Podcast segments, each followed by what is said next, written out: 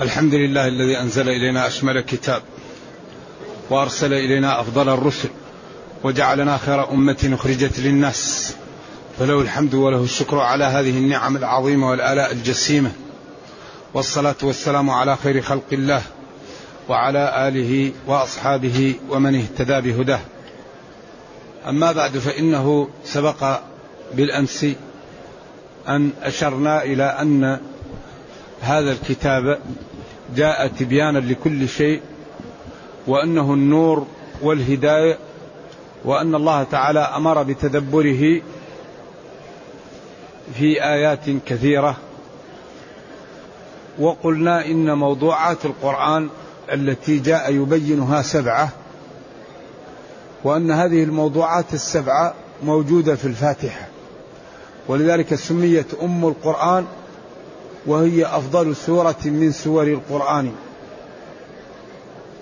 فقلنا إن موضوعات القرآن التي جاء يبينها سبعة وهي التوحيد والنبوات والميعاد والأحكام والوعد والوعيد والقصص. هذا بالبسط. القرآن جاء يبين هذه الموضوعات السبعة وبالاختصار القرآن جاء ليبين أن الله هو المعبود بحق وأن النبي مرسل من عند الله وقد وعد المصدق به الجنة وأوعد المكذب به النار. هذا بالاختصار وبالبسط موضوعات القرآن التي جاء يبينها سبعة. وأشرنا بالأمس إلى أن هذه الموضوعات السبعة موجودة في الفاتحة باختصار. فأشرنا إلى أقسام التوحيد الثلاثة. أعني توحيد الربوبية والألوهية وتوحيد الأسماء والصفات في قوله تعالى الحمد لله رب العالمين الرحمن الرحيم. فالحمد لله الله هو المعبود بحق إشارة إلى توحيد الألوهية. ورب العالمين هو الذي أوجد الكون إشارة إلى توحيد توحيد الربوبية. والرحمن الرحيم هذه إشارة إلى توحيد الأسماء والصفات. وبينا أن القاعدة التي تسلك في الأسماء والصفات أنها مبنية على ثلاثة أسس. الأساس الأول تصديق الله فيما قال لأنه جل وعلا يقول ومن أصدق من الله حديثا ويقول قوله الحق. الثاني تنزيه الله عن مشابهة خلقه لأنه قال ليس كمثله شيء. هل تعلم له سميا؟ فلا تضربوا لله الأمثال. الثالث قطع الأفكار والأطماع عن إدراك كيفية اتصاف الله تعالى بصفاته كما قال لا تدركه الأبصار ولا يحيطون به علما. هذه طريق سلامة محققة.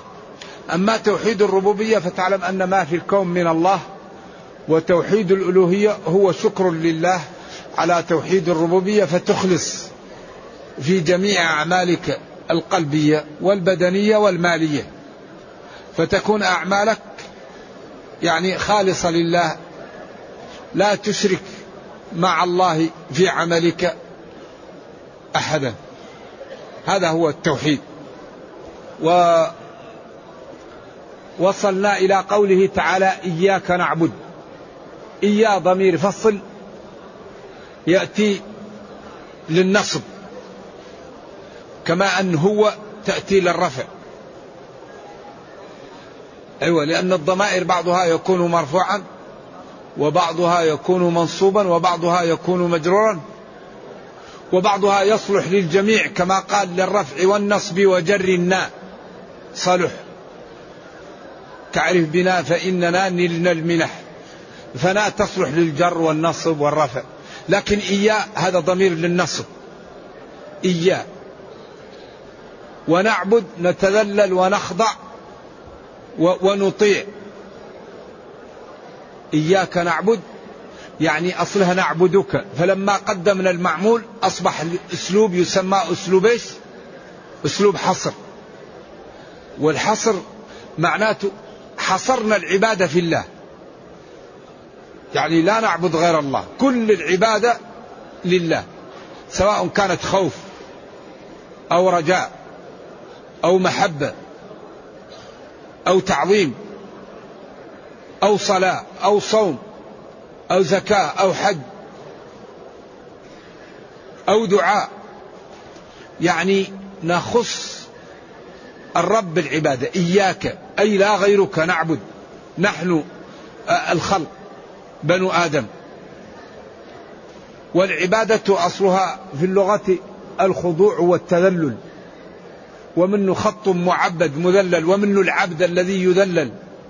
لأن العبد دائما يكون سببه الكفر.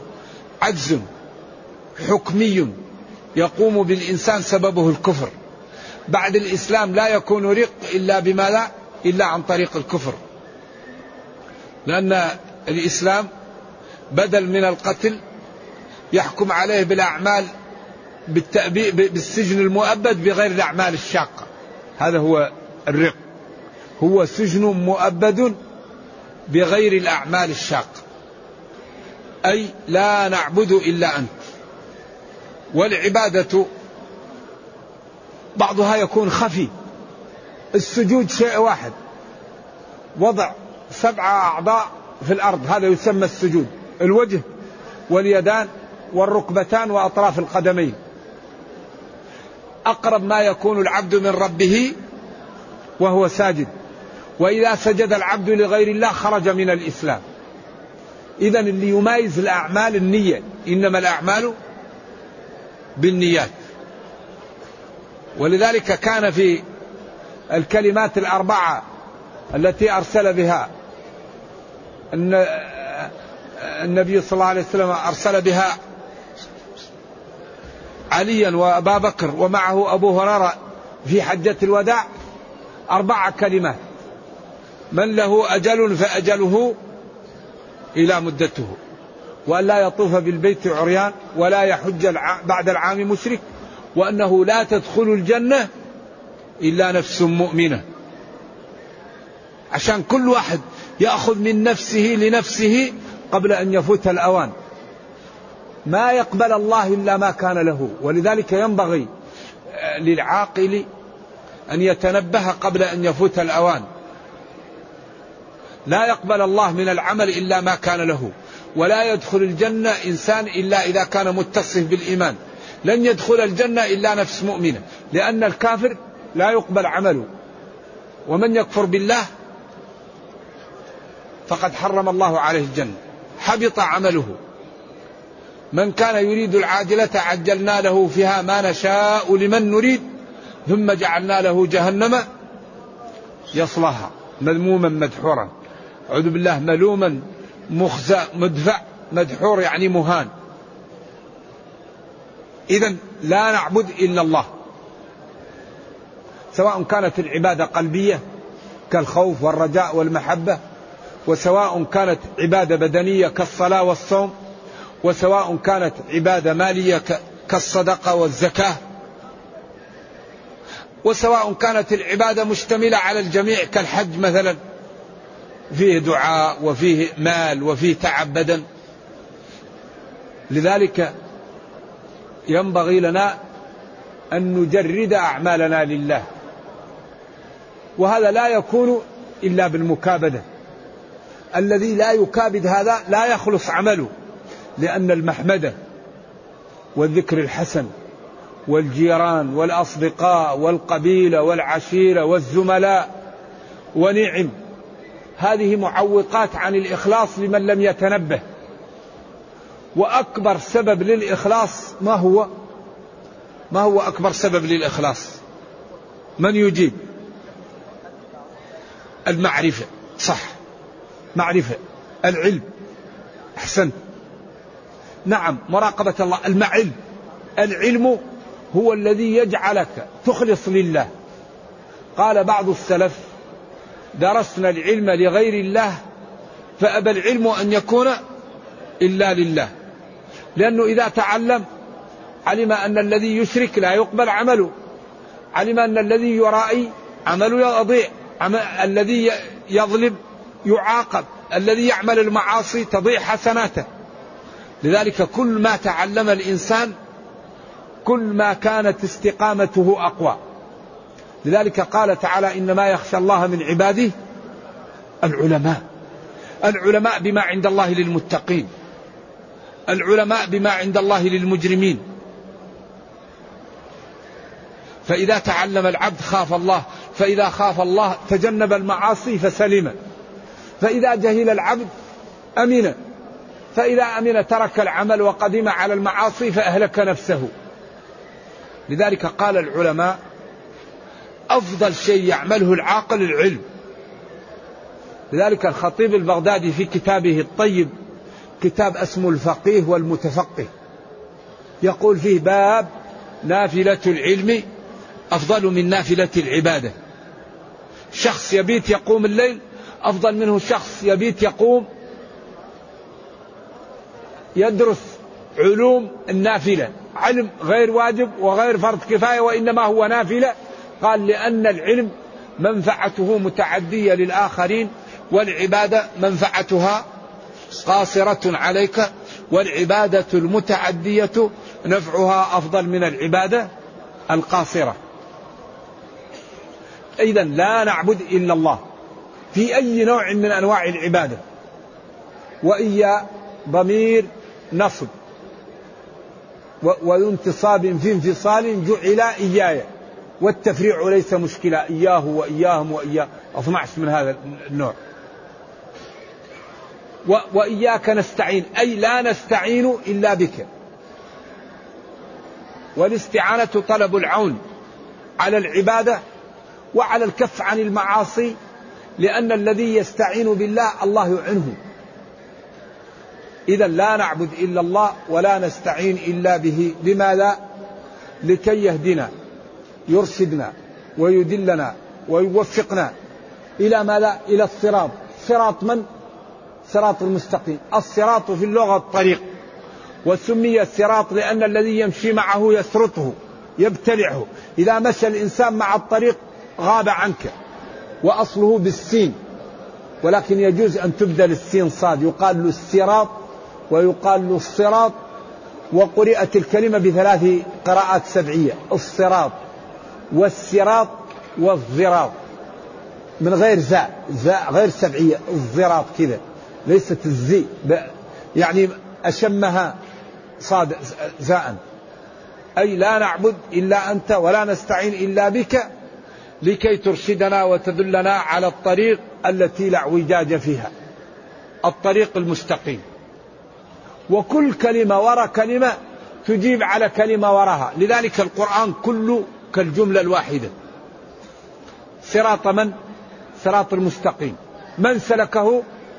الذي سلكه الذين أنعم الله عليهم. أكرمهم.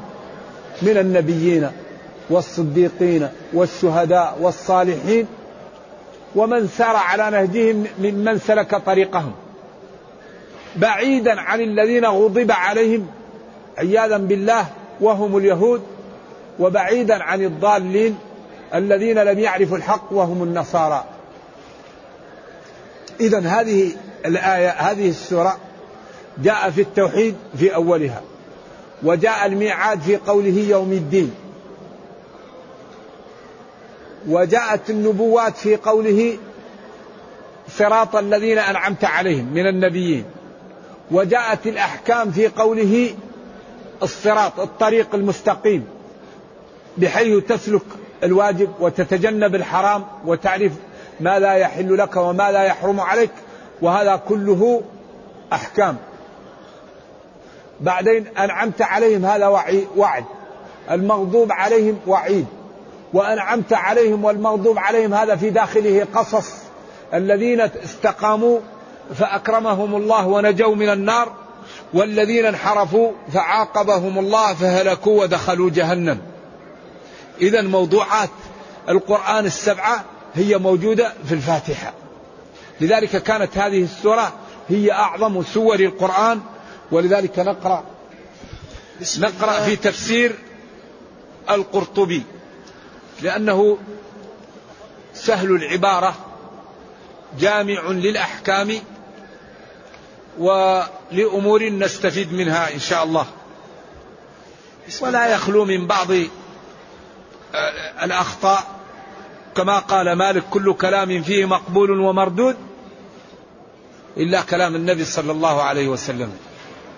فأي عالم يؤلف لا بد أن تكون عنده كلمات مرجوحة وسبق قلم آه، ولكن نحن نشير إلى ذلك وأغلب ما يأتي به العلماء هو صحيح. ولكننا نكرر دائما أن العالم الكبير قد تكون عنده جزئية إيش؟ خطأ أو مرجوحة والإنسان الجاهل الكبير قد تكون عنده جزئية صح فيبقى هذا عالم عنده أخطاء وهذا جاهل عنده جزئيات صح. ولا يرفع عن غير العالم أنه عرف جزئيات ولا يضر العالم أنه أخطأ في جزئيات. والحق يقبل ممن قاله والخطأ يرد ممن قاله. لذلك تجد الأئمة الواحد له في المسألة كم من قول لأنه يقول قولا وبعد ذلك يظهر له الدليل فيرجع عنه. ويقول قولا وبعد ذلك يظهر له أن هذا الدليل منسوخ. ويرد قولا وبعد ذلك يظهر له أنه صحيح فيقبله. والإمام الشافعي لما جاء لمصر أصبح في الجديد في الجديد لأنه رأى أحاديث ورأى بيئة. فتغير كثير من؟ مما كان عنده لأنه لا لا يقصد إلا الحق. فإذا تبين له الحق قال به فإذا ظهر له أنه ما قاله قبل مرجوح يقول بالجديد وهذا الذي ينبغي أن يكون المسلم يقبل الحق. فإذا ظهر له أن الذي رآه أول حق غير حق يرجع ولذلك كل كلام فيه مقبول ومردود إلا كلام النبي صلى الله عليه وسلم. تفضل. بسم الله والصلاة والسلام على رسول الله وعلى آله وصحبه ومن والاه.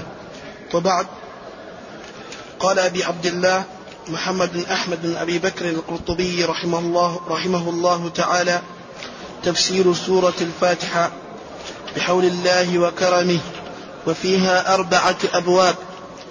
الباب الأول في فضلها وأسمائها وفيه سبع مسائل. قال الأولى روى الترمذي عن أبي بن كعب قال رضي الله تعالى عنه قال قال رسول الله صلى الله عليه وسلم ما أنزل الله في التوراة ولا في الإنجيل مثل أم القرآن وهي السبع المثاني وهي مقسومة بيني وبين عبدي ولعبدي ما سأل. أخرجه مالك عن العلاء بن عبد الرحمن بن يعقوب أن أبا سعيد مول أن أبا سعيد مولى عامر بن كريز مولى عبد الله بن عامر. مولى عبد الله بن عامر بن كريز أخبره أن أن رسول الله صلى الله عليه وسلم نادى أبي بن كعب رضي الله تعالى عنه وهو يصلي فذكر الحديث. قال ابن عبد البر رحمه الله تعالى أبو سعيد لا يوقف له على اسمه.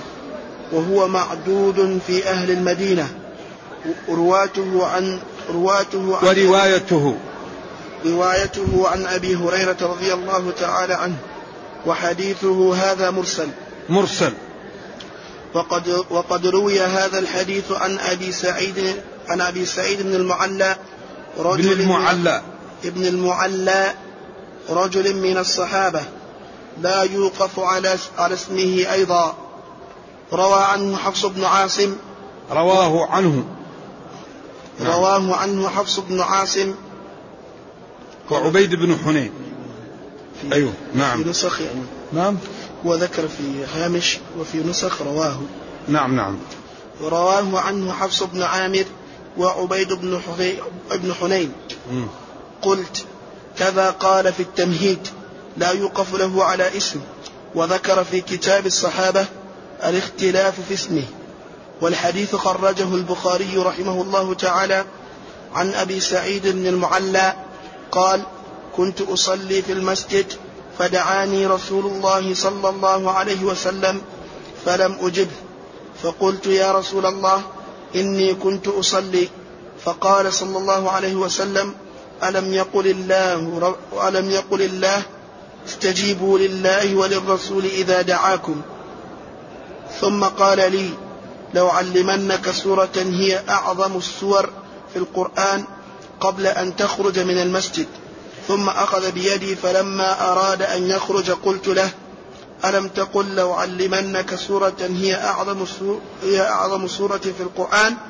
قال الحمد لله رب العالمين إذا السبع المثاني والقرآن العظيم الذي أوتيته. هذا هنا الصحابي كان يصلي ودعاه النبي صلى الله عليه وسلم. والصلاة قال وقوموا لله قانتين. فتعارض عنده دعاء النبي صلى الله عليه وسلم مع النص السابق. فلا قال له كنت أصلي. قال له ألم تسمع قول الله تعالى استجيبوا لله وللرسول إذا دعاكم؟ فورد في الأثر أنه قال لن أعود أو كما ورد. قال له لو علمنك سورة أعظم سورتي وهو قبل أن يخرج من المسجد فلما أراد أن يخرج تباطأ وقال له ألم تقل أنك تعلمني؟ قال له بما تقرأ؟ أو قال له الحمد لله رب العالمين. لذلك رحمة بنا أوجب علينا هذه السورة في كل ركعة. لا صلاة لمن لم يقرأ بفاتحة الكتاب. كل صلاة لا يقرأ فيها بفاتحة الكتاب فهي خداج فهي خداج فهي خداج. نعم. نعم. قال ابن عبد البر وغيره أبو سعيد بن المعلى من جلة الأنصار وسادات الأنصار تفرد به البخاري. أيوة بهذا الحديث. نعم. واسمه رافع ويقال الحارث ويقال الحارث بن نفيع ابن المعلى. ويقال أوس بن المعلى ويقال أبو سعيد بن أوس ابن المعلى. توفي سنة أربع وسبعين وهو ابن أربع وهو ابن أربع وستين. وهو أول من صلى إلى القبلة حين حين حولت وسيأتي. وقد أسند وقد أسند حديث أبي وقد أسند حديث ابن أبي يزيد بن زريع. هذا هنا قال الحافظ بن حجر في الإصابة وهو خطأ.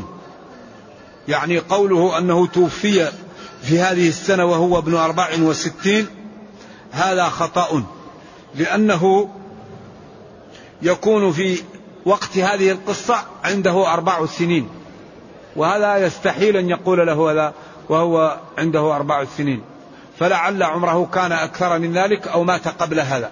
نعم قال نعم. دكتور تركي في تحقيق قال الحافظ نعم. حجر في الإصابة في ترجمته وهو خطأ فإنه يستلزم أن تكون قصته مع النبي صلى الله عليه وسلم وهو وهو صغير وسياق الحديث يأبى ذلك. يأبى ذلك نعم ولذلك هذا فهم العلماء لأن الحافظ بن حجر عنده دقة في معرفة الرجال والتواريخ وقال توفي سنة أربع وسبعين وهو ابن أربع وستين سنة. فتكون القصة هو صغير وهذه القصة وهذا الأسلوب يدل على أنه كان في ذلك الوقت رجلا. فإما أن يكون توفي بعد ذلك أو تكون القصة على غير هذا. نعم. اقرأ. وقد أسند حديث أبي رضي الله تعالى عنه يزيد بن زريع قال حدثنا حدثنا روح قال حدثنا روح بن قاسم عن العلاء بن عبد الرحمن عن أبيه عن أبي هريرة رضي الله تعالى عنه قال خرج رسول الله صلى الله عليه وسلم على أبي رضي الله تعالى عنه وهو يصلي فذكر الحديث بمعناه. وذكر ابن الأنباري في كتاب في كتاب الرد له حدثني أبي حدثني أبو عبيد الله الوراق حدثنا أبو داود حدثنا شيبان عن منصور عن مجاهد قال إن إبليس لعنه الله تعالى رن أربع رنات حين لعن وحين أهبط وحين أهبط من الجنة وحين بعث محمد صلى الله عليه وسلم وحين نزلت فاتحة الكتاب حين وأنزلت بالمدينة. نعم. هذا يعني ذكر عن مجاهد وقد يكون آه، يعني سمعه مجاهد من غيره. نعم. إسناده صحيح. نعم. إسناده صحيح إلى مجاهد. إلى مجاهد لكن مجاهد أخذه عن بني إسرائيل وأخذه من أين؟ نعم. نعم. الثانية. لأن هذه الأمور لا تؤخذ بالاجتهاد. نعم. المسألة الثانية اختلف العلماء في تفضيل بعض السور والآي على على بعض. وتفضيل بعض أسماء الله تعالى الحسنى على بعض.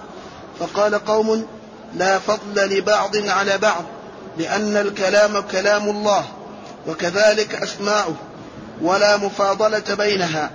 ذهب إلى إلى هذا الشيخ أبو الحسن الأشعري والقاضي أبي بكر والقاضي أبو بكر بن ابن الطيب وأبو إيه. حاتم محمد بن حي محمد بن حبان البستي. وهذا محجوج بقوله إن قل هو الله أحد. تعدل ثلث القرآن ولو علمنك سورة أعظم سورة. وإذا زلزلت تعديل نصف القرآن.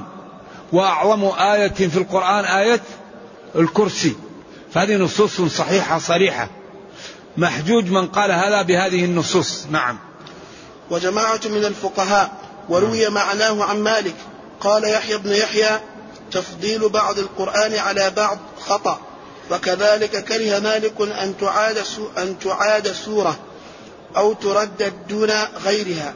وقال عن مالك وقال عن مالك في عن مالك في قوله تعالى نأتي بخير منها أو مثلها قال محكمة مكان منسوخة وروى, آه، ابن كنانة مثل, مثل ذلك كله عن مالك. واحتج هؤلاء بأن, قول بأن قالوا إن الأفضل يشعر بنقص المفضول والذاتية في الكل واحدة وهي كلام الله تعالى وكلام الله تعالى لا نقص فيه. ولذلك القرآن فيه بليغ وفيه متناهم في البلاغة ولا فيه شيء ركيك. أيوة. لذلك فيه فضيل وفيه أيضا فاضل. نعم. قال البستي ومعنى هذه هذه اللفظة ما في التوراة ولا في الإنجيل مثل أم القرآن أن الله تعالى لا يعطي لقارئ التوراة والإنجيل مثل ما يعطي مثل ما يعطي لقارئ أم القرآن. إذ الله بفضله فضل هذه الأمة على غيرها من الأمم وأعطاها من الفضل على وأعطاها من الفضل من الفضل على قراءة القرآن كلامه أكثر مما على قراءة كلامه. على قراءة القرآن. لا على قراءة كلامه أكثر مما أعطى غيرها. على قراءة كلامه أكثر مما أعطى غيرها من الفضل على قراءة كلامه. وهو فضل منه لهذه الأمة. قال معنى قوله معنى قوله أعظم سورة أراد به في الأجر لا أن بعض القرآن أفضل من بعض. وقال قوم بالتفضيل وأن ما تضمنه قوله تعالى وإلهكم إله واحد لا إله إلا هو الرحمن الرحيم وآية الكرسي وآخر سورة, وآخر سورة الحشر وسورة الإخلاص من الدلالات على وحدانيته وصفاته ليس ليس موجودا مثل ليس موجودا مثلا في تبت يدا أبي لهب وتب وما كان مثلها. والتفضيل إنما هو بالمعاني بالمعاني العجيبة وكثرتها لا من حيث الصفة. وهذا هو الحق. وممن قال بالتفضيل إسحاق بن راهوية وغيره من العلماء والمتكلمين وهو اختيار القاضي أبي بكر ابن العربي وابن وابن الحصار وابن الحصار لحديث أبي ولحديث أبي سعيد المعلى وحديث أبي بن كعب أنه قال قال لي رسول الله صلى الله عليه وسلم يا أبي أي آية معك؟ أي آية معك في كتاب الله أعظم؟ قال قلت يا رسول الله الله ورسوله أعلم. فقال يا أبي أتدري أي آية في كتاب الله معك أعظم؟ قال قلت الله لا إله إلا هو الحي القيوم. قال فضرب في صدري وقال ليهنك ليهنك العلم. ليهنك ليهنك العلم. ليهنك. ليهنك أيوه. ليهنك العلم. أيوه. يا أبا المنذر. نعم. أخرجه البخاري ومسلم. وهذا صريح في تفضيل آية الكرسي بعض القرآن على بعض. نعم. قال ابن الحصار عجبي عجبي ممن يذكر الإخلاء عجبي ممن يخ ممن يذكر الخلاف مع هذه النصوص أيوة. وقال ابن العربي قوله ما أنزل الله ما أنزل الله في التوراة ولا في الإنجيل ولا في القرآن مثلها وسكت عن سائر الكتب كالصحف المنزلة والزبور وغيرها لأن هذه المذكورة أفضلها وإذا كان الشيء أفضل وإذا كان الشيء أفضل الأفضل صار أفضل الكل. كقولك زيد أفضل العلماء فهو أفضل الناس. وفي نعم. الفاتحة ما أنزل الله في التوراة ولا في الزبور ولا في الإنجيل مثلها وسكت عن الصحف والتوراة والإنجيل أفضل من الصحف. فدل هذا على أنه أفضل من من غيره. نعم. قال وفي الفاتحة من الصفات ما ليس لغيرها. حتى قيل إن جميع القرآن فيها وهي خمس وعشرون كلمة تضمنت جميع علوم القرآن. وهي خمس وعشرون كلمة تضمنت جميع القرآن كما ذكرنا قبل من الموضوعات التي جاءت في القرآن وأشير لها في الفاتحة. نعم. ومن شرفها أن الله سبحانه وتعالى قسمها بينه وبين عبده. ولا تصح ولا تصح القربة إلا بها. ولا يلحق عمل بثوابها أيوة ولا يصل شيء لها لأن الذي لا يصلي بها عند جمهور العلماء صلاته باطلة. لا صلاة لمن لم يقرأ بفاتحة الكتاب. نعم. صحيحة أو تامة. نعم. وبهذا المعنى صارت أم القرآن العظيم كما صارت قل هو الله أحد تعدل ثلث القرآن. إذ, القر... إذ القرآن توحيد وأحكام ووعظ. نعم. قل هو الله أحد فيها التوحيد كله. وبهذا المعنى وقع البيان في قوله عليه السلام في قوله عليه السلام لأبي أي آية في القرآن أعظم؟ قال الله لا إله إلا هو الحي القيوم. وإنما كانت أعظم آية لأنها توحيد كلها لأنها توحيد كلها. لأنها لأنها توحيد كلها. أيوة. كما صار كما صار قوله أفضل ما قلته أنا والنبيون من قبل لا إله إلا الله وحده لا شريك له أفضل الذكر لأنها كلمات حوت جميع العلوم في التوحيد. والفاتحة تضمنت التوحيد والعبادة والوعظ والتذكير ولا يستبعد ذلك في في قدرة الله تعالى. تضمنت التوحيد والعبادة التي تقتضي الأحكام والوعظ الذي يقتضي يوم الوعيد والوعد والوعيد والقصص. لأن الوعظ يكون بالوعد والوعيد ويكون بالقصص الإخبار ويكون بيوم القيامة. نعم. لأن أغلب الإتيان بيوم القيامة هو وعظ تخويف. واتقوا يوما لا تجزي نفس عن نفس شيء. يوما يجعل الولدان شيبا. يوم ترونها تذهل كل مرضعة عما أرضعت. فكل هذا داخل في الوعظ. نعم. الثالثة روي عن علي روي عن علي بن أبي طالب رضي الله تعالى عنه قال قال رسول الله صلى الله عليه وسلم فاتحة الكتاب وآية الكرسي وشهد الله أنه لا إله إلا هو وقل اللهم مالك الملك. هذه الآيات معلقات بالعرش. ليس بينهن وبين الله حجاب. أسنده أبو, أبو عمرو الداني في كتاب البيان له. خلاص ننتهي